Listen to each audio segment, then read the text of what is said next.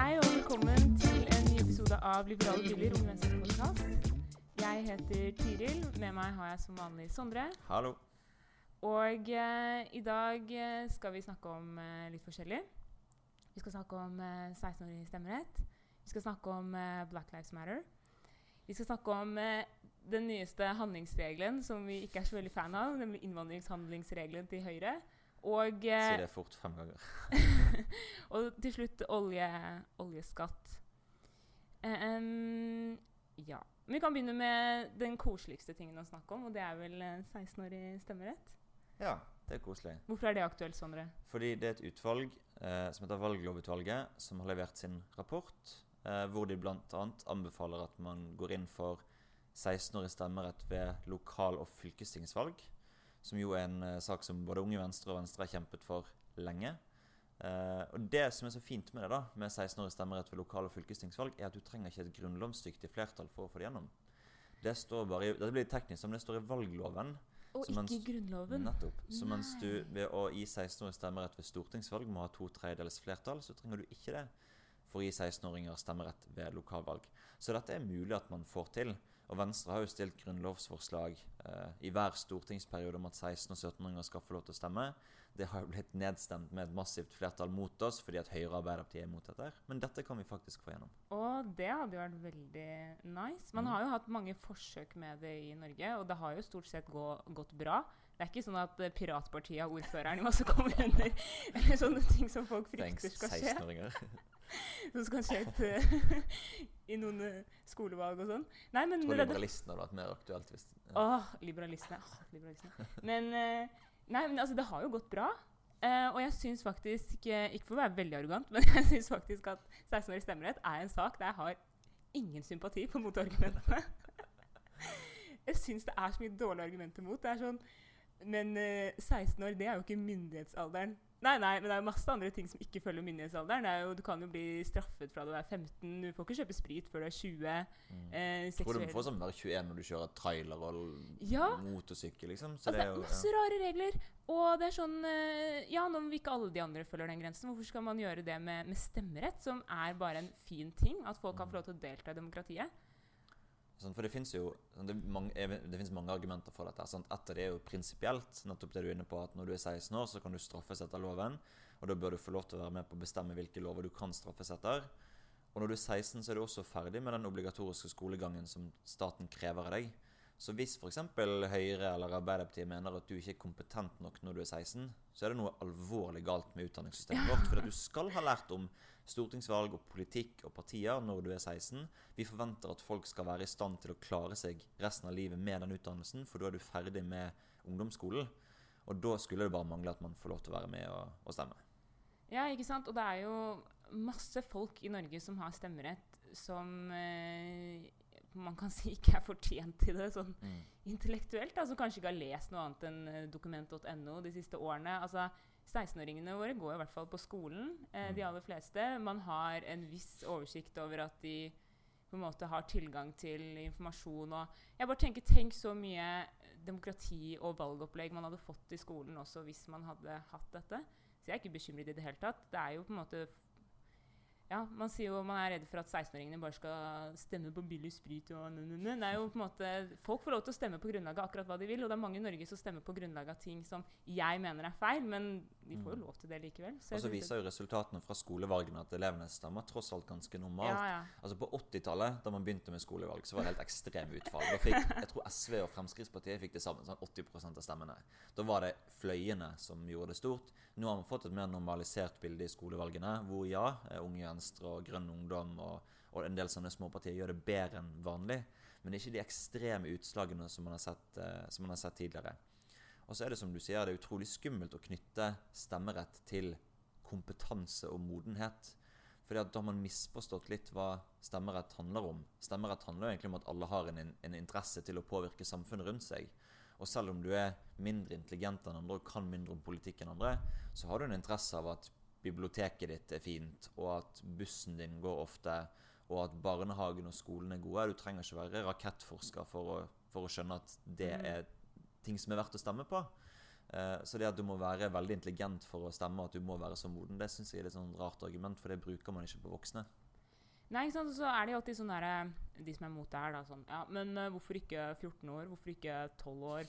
Hva Syns du 12-åringer er smart nok? Uh, og så er det sånn Ja, men det er jo ikke det vi diskuterer nå. Vi diskuterer 16-åringer. Og ja, det kan jo bli et slippery slope, for alt vi vet. Men det er ikke den farligste Men slope. nei, ikke slope. sånn. Hva er det vi taper på det? Jo, masse folk har stemmerett. Å Mm. nei! Det, Mm. det ødelegger jo ikke samfunnet, det. Og det er jo som du sier, Sandra, at man har hatt forsøk på det her også, og sett hva er det folk faktisk stemmer. Og jeg tror liksom småpartiene og sånn gjør det litt bedre, men ellers så stemmer de stort sett akkurat det samme. Ja. Og det at småpartiene gjør det bedre, kan også bare være et utslag av at disse folkene faktisk har satt seg veldig inn når man skal stemme for første gang, så setter man seg inn i ting, og da er man mer tilbøyelig til å liksom velge hvilket som helst av alle partiene enn at man tar Høyre og Arbeiderpartiet, fordi det er de man har hørt om. um, eller, eller hva det er. Men Nei, så det er jo ikke noen dramatiske konsekvenser av det her heller. Det er jo også at man kan få stille til valg, liksom. De 16-åringene som stiller til valg, er jo sannsynligvis mye mer motiverte og dedikerte enn mange andre da, som bare er liksom renominert gang nummer ti. Det er, ja. Det ønsker vi for så vidt også, at 16-åringer skal få lov til å stille til valg. Eh, altså ta imot eh, nominasjoner til kommunestyret eller til Stortinget Ja. osv. Det er ikke det som ligger inne her nå, fordi at da må man endre Grunnloven. Men oh, ja, okay, Høyre Grunnloven. snakker jo som at det oppstår sånn sort hull. Hvis man liksom har forskjellig aldersgrense på sånn når du kan stille til valg og når du kan stemme, så kommer det et svart hull som suger alt livet ut av universet. på en måte. Men jeg tror det skal gå fint om man har litt forskjellige aldersgrenser, selv om jeg mener at man bør kunne stille til valg også når man er 16. Men eh, en ting til som er viktig, da, er jo at eh, Du var litt inne på det, men det å utvide demokratiet til stadig nye grupper er jo veldig viktig. Og hvis man gir 16- og 17-åringer stemmerett, så utvider man demokratiet til over 100 000 nye mennesker. Og sånn at I en tid da, hvor du ser at det er titusenvis av ungdom som demonstrerer mot rasisme, eh, mot en grå og fossil eh, politikk som, som har vært ført i Norge i ganske mange år, og at de eh, drar ut foran Stortinget og streiker og skulker skolen. For meg så er det også et argument for at de bør få lov til å stemme. fordi at politikere tar ikke folk nok på alvor, all den tid de ikke har stemmerett. Mm. Men eh, hvis, hvis vi skal gå ned dette slippery slopet, da fordi Unge Venstre har jo diskutert dette her tidligere. Eh, og jeg vet at du har jo foreslått tidligere Sondre, at eh, man ikke skal ha aldersgrense på stemmerett. Mener du fremdeles det? Ja, det er en av de ting, rare tingene som jeg bare mener. Eh, Men ja, jeg mener for så vidt at eh, eh, at det ikke er vits å ha noen stemmerettsalder i Norge.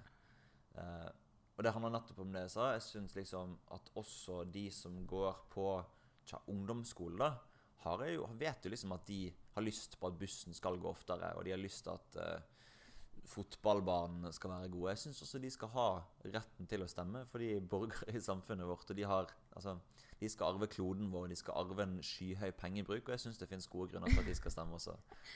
Jeg vet ikke hva jeg syns om liksom å gi spedbarn og sånn stemmerett, men, men du har jo et poeng at det er liksom vanskelig å si hvor går grensen. Man kan jo si En tiåring har jo også masse interesser av at ting er sånn eller sånn. Og, men uh, Det, altså, det er helt åpenbart at spedbarn kommer ikke til å stemme.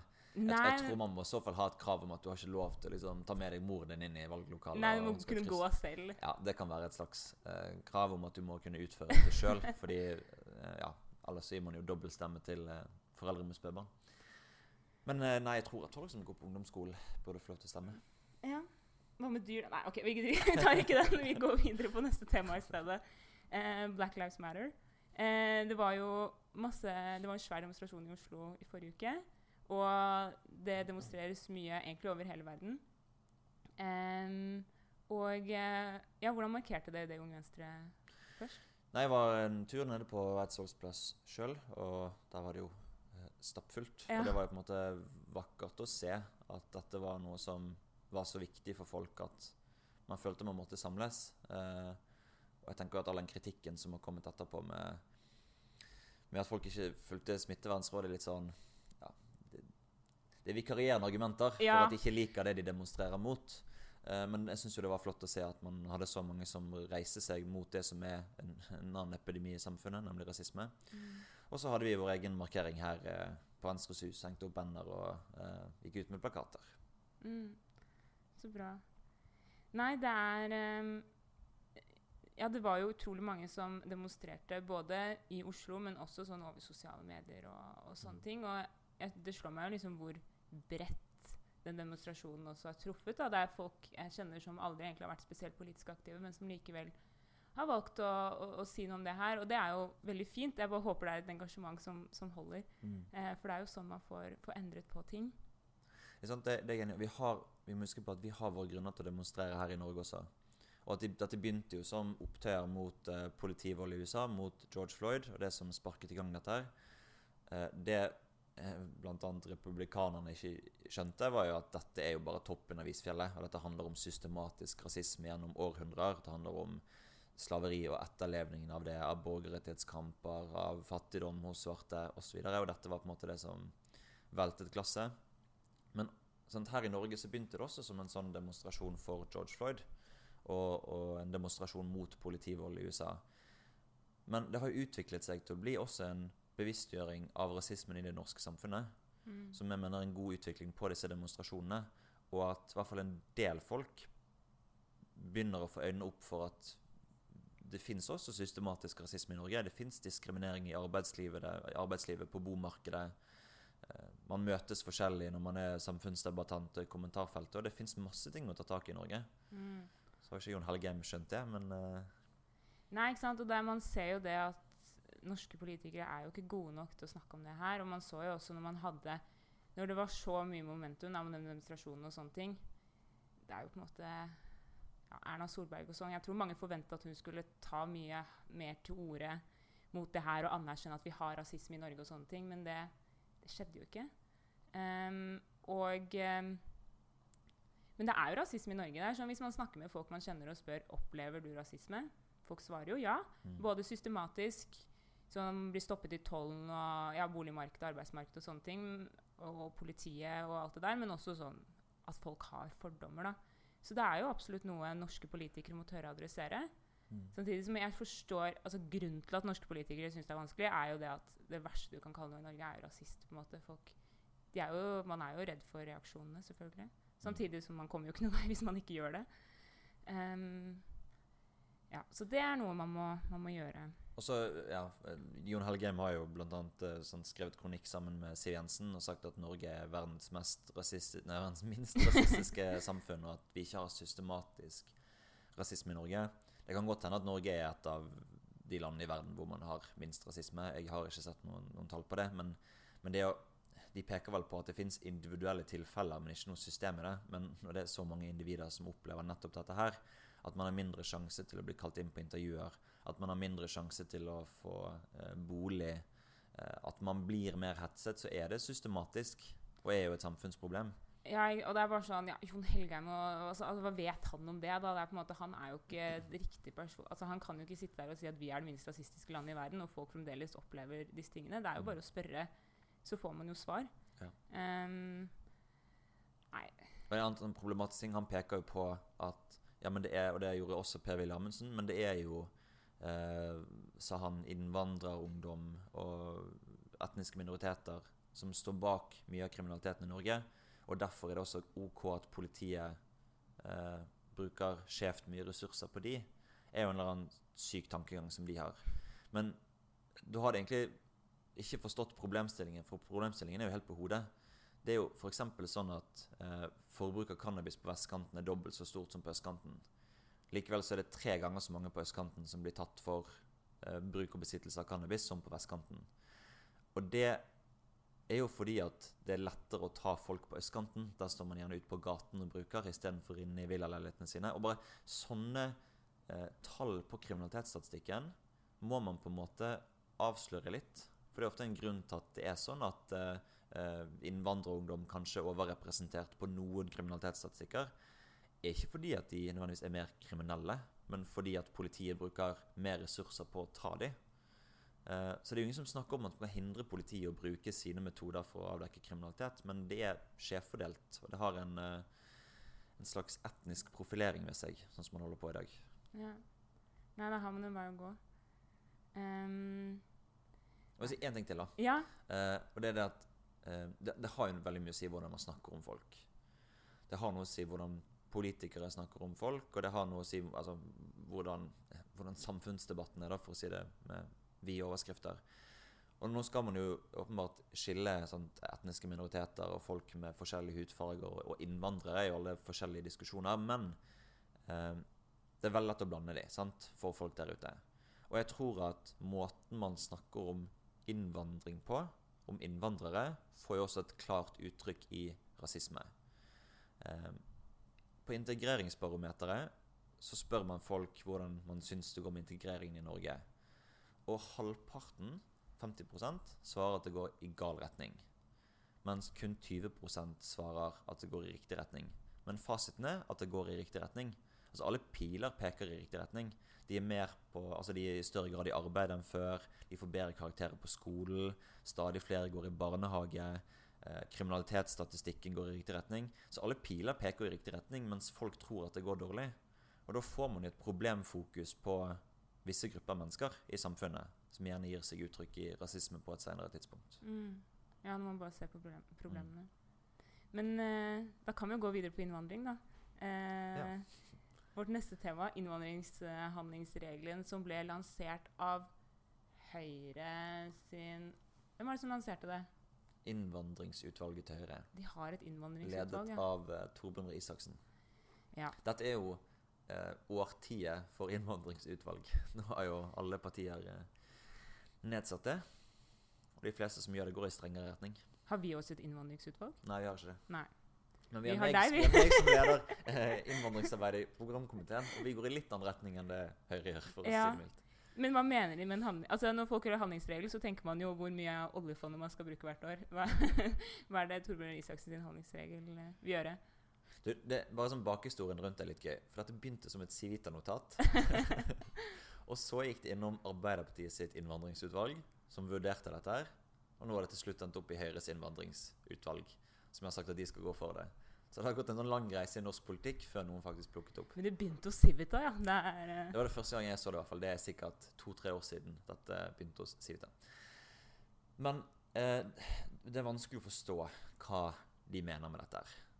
Eh, men det Torbjørn Røe Isaksen ser ut til å mene, er at vi skal ha et, en slags kvote, eller et tak, på hvor mange innvandrere vi skal ta imot til Norge for hvert år som går. Og det han mener det skal gjøre, er å sikre stabilitet for mottakskapasiteten vår og norsk økonomi. At Stortinget f.eks. sier i år så ønsker vi å ta imot rundt 10 000. Og det ønsker vi neste år òg. problemet med den tanken da, er at man kan ikke bestemme alltid hvor mange flyktninger man skal ta imot i Norge. For det er definert av internasjonale konvensjoner som gir folk rett til å søke asyl. Og som gir et absolutt vern mot retur hvis du står i fare for å bli torturert eller drept i ditt eget hjemland.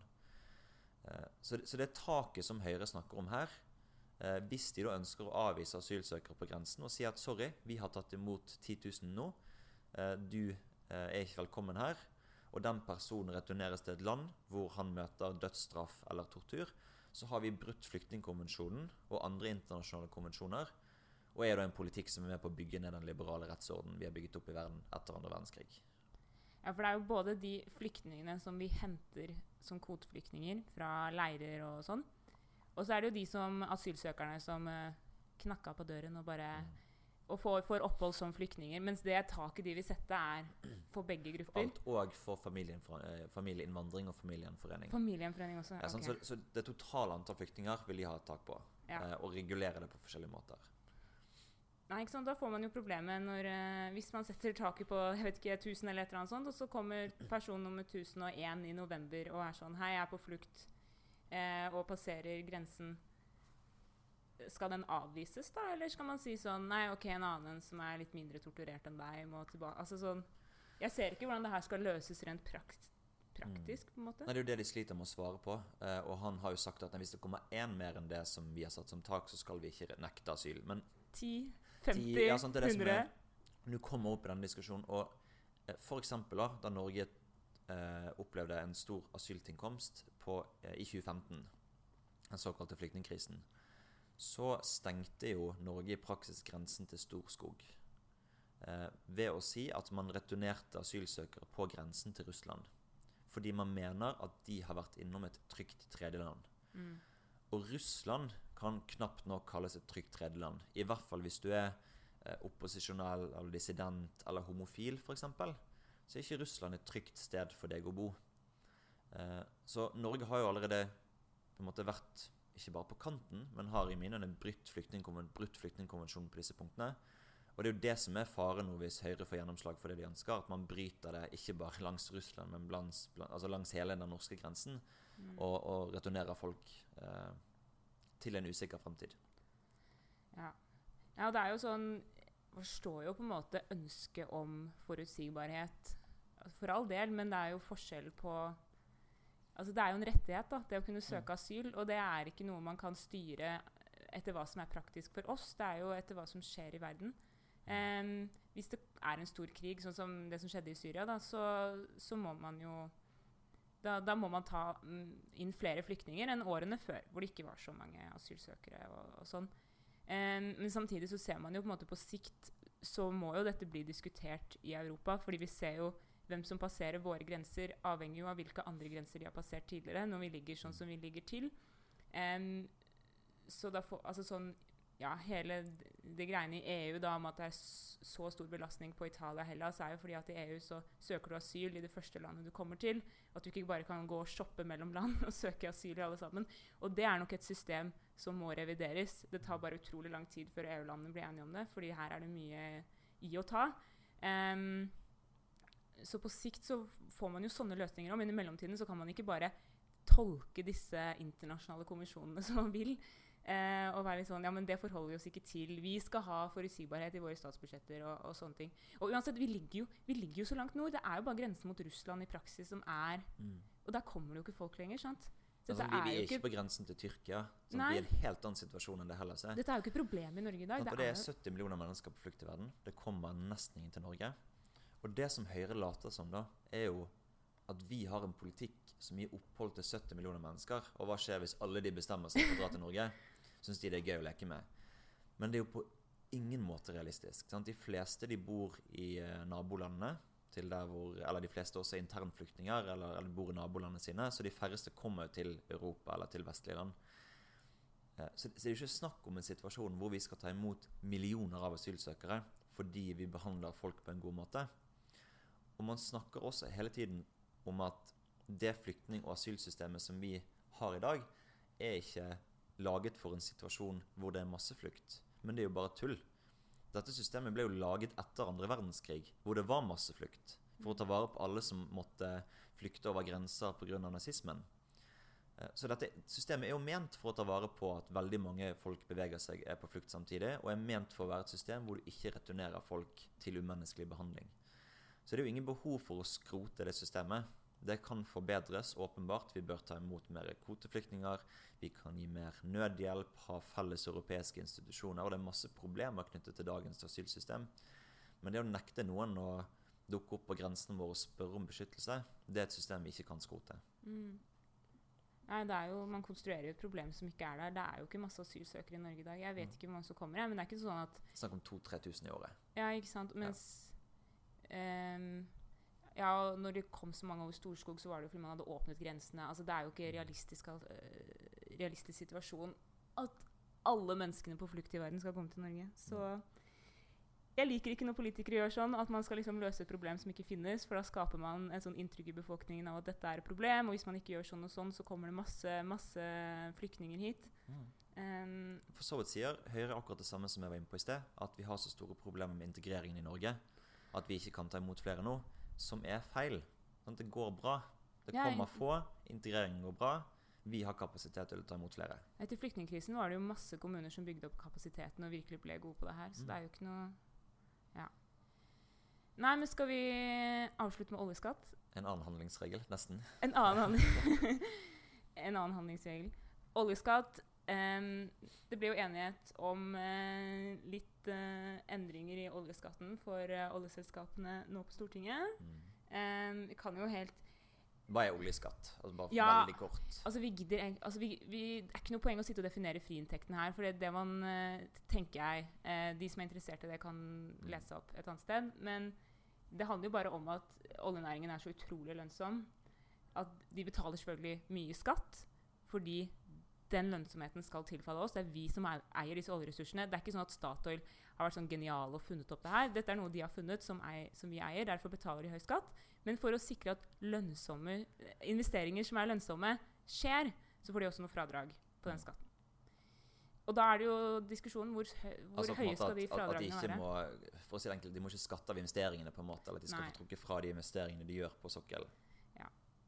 Så da er det sånn, Hvor raust skal det systemet være? Hva er riktig nivå? Når er det du på en måte forhindrer at eh, lønnsomme investeringer tas? Når er det du blokker lønnsomme investeringer fordi du har så strengt skatteregime? Det er jo det som er diskusjonen. Og her er jo her er liksom Equinor diskuterer med Finansdepartementet, og det er, det er jo et komplisert system allerede. Så det er jo ikke rart at Men det vi kan si generelt da, sånn om skatt i Norge sant? Hvis, man tar, hvis man et lite øyeblikk glemmer den store klimautfordringen olje og gass er, og bare ser på skatten, så ønsker man jo å ha et skattesystem på alle mulige bedrifter, alle sektorer, alle virksomheter som er nøytralt.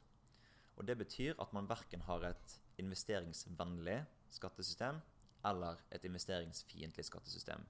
Det betyr at de investeringene du gjør før skatt, som er lønnsomme, også skal være lønnsomme etter skatt. sånn at ikke staten skal styre hva folk investerer i. Ja, eller sponser, som de Ja. egentlig gjør med oljenæringen nå. Og det er det man mener, eller det, det er faktisk det som er problemet med oljeskatten. At de summen av fradragene du har, er mer sjenerøse enn det på en måte skatten er.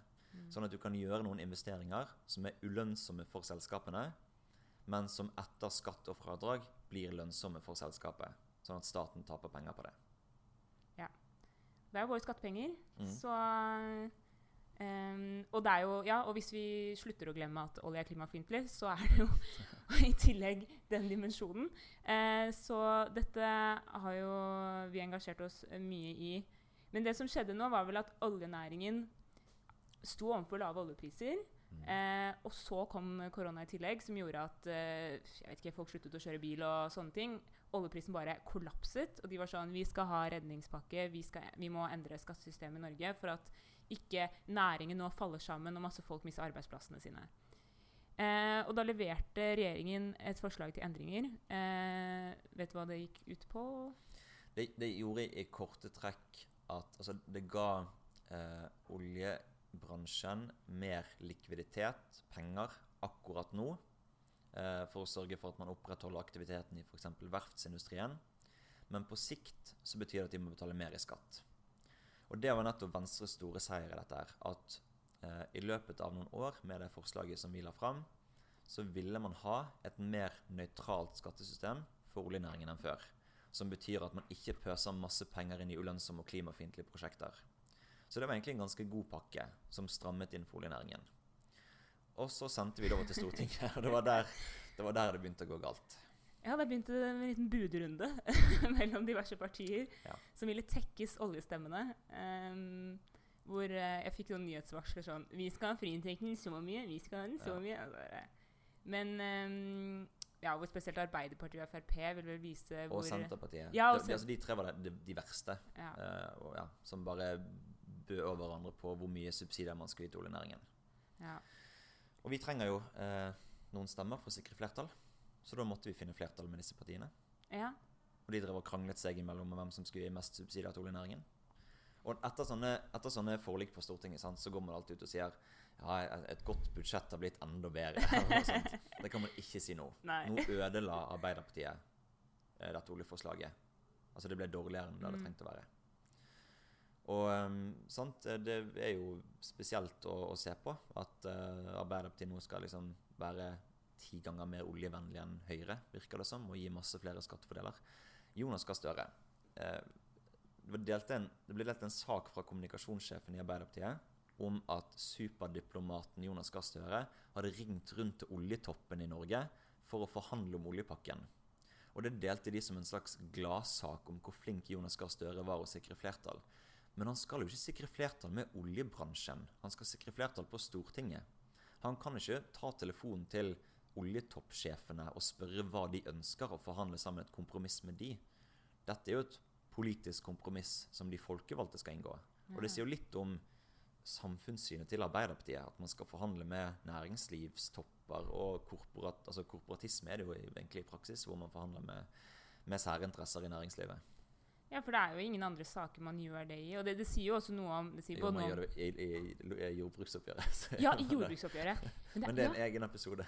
Det er en egen episode. Men ja, men det er nettopp det man har sånne noen næringer, da, spesielt olje, og landbruk i Norge har den der særstillingen at sånn, når de foreslår noe, så er det dem man forholder med. Mm. Om det er bra. Men, men er det greit om vi kutter litt her og her? Jeg føler Ellers så er politikere ganske bevisst på at det er det vi som best vi bestemmer. Nå har vi hatt høring, nå har vi fått innspill, nå har vi ringt rundt der og til lokallag. altså sånn, Nå har vi gjort runden, nå skal vi ta noen beslutninger. Og, og, og vi kommer til å lande på det rette. Mens det å drive og ja, men jeg, jeg har også opplevd at Det er jo en grunn til at de liksom overbyr hverandre. og sånne ting, Fordi man skal på en måte få godkjentstempel fra oljenæringen. At det er så viktig. Em, utrolig irriterende når man endelig hadde muligheten til å endre oljeskatten nå, til å bli litt mer nøytral.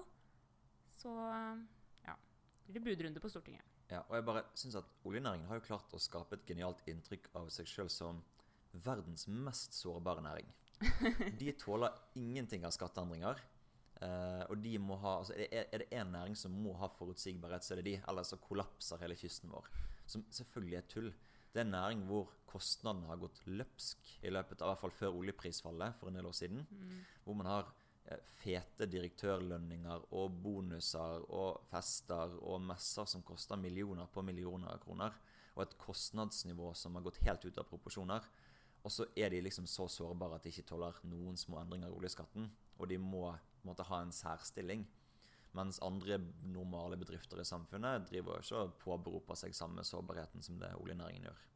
Nei, virkelig ikke. De har, både de og landbruket har liksom lykkes med sånn narrativ om at uh, vi er ryggmargen i det norske næringslivet, og vi er noe helt annet enn alt annet av arbeidsplasser og fortjener en særbehandling. Um, men nå blir det jo for n-te gang generasjonsopprør i AUF, da. Fordi, for de var jo ikke enige med Arbeiderpartiet, naturligvis, eh, i at man skulle gi så mye til oljenæringen. Eh, tror du det blir opprør, eller?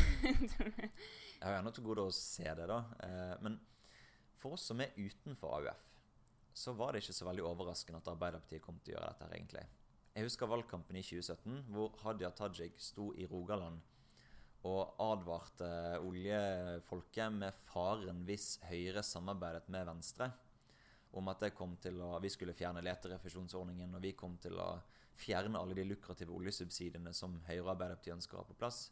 Eh, Så for oss som står på utsiden av AUF, så visste vi jo at Arbeiderpartiet kjemper for lukrative fordeler til oljenæringen.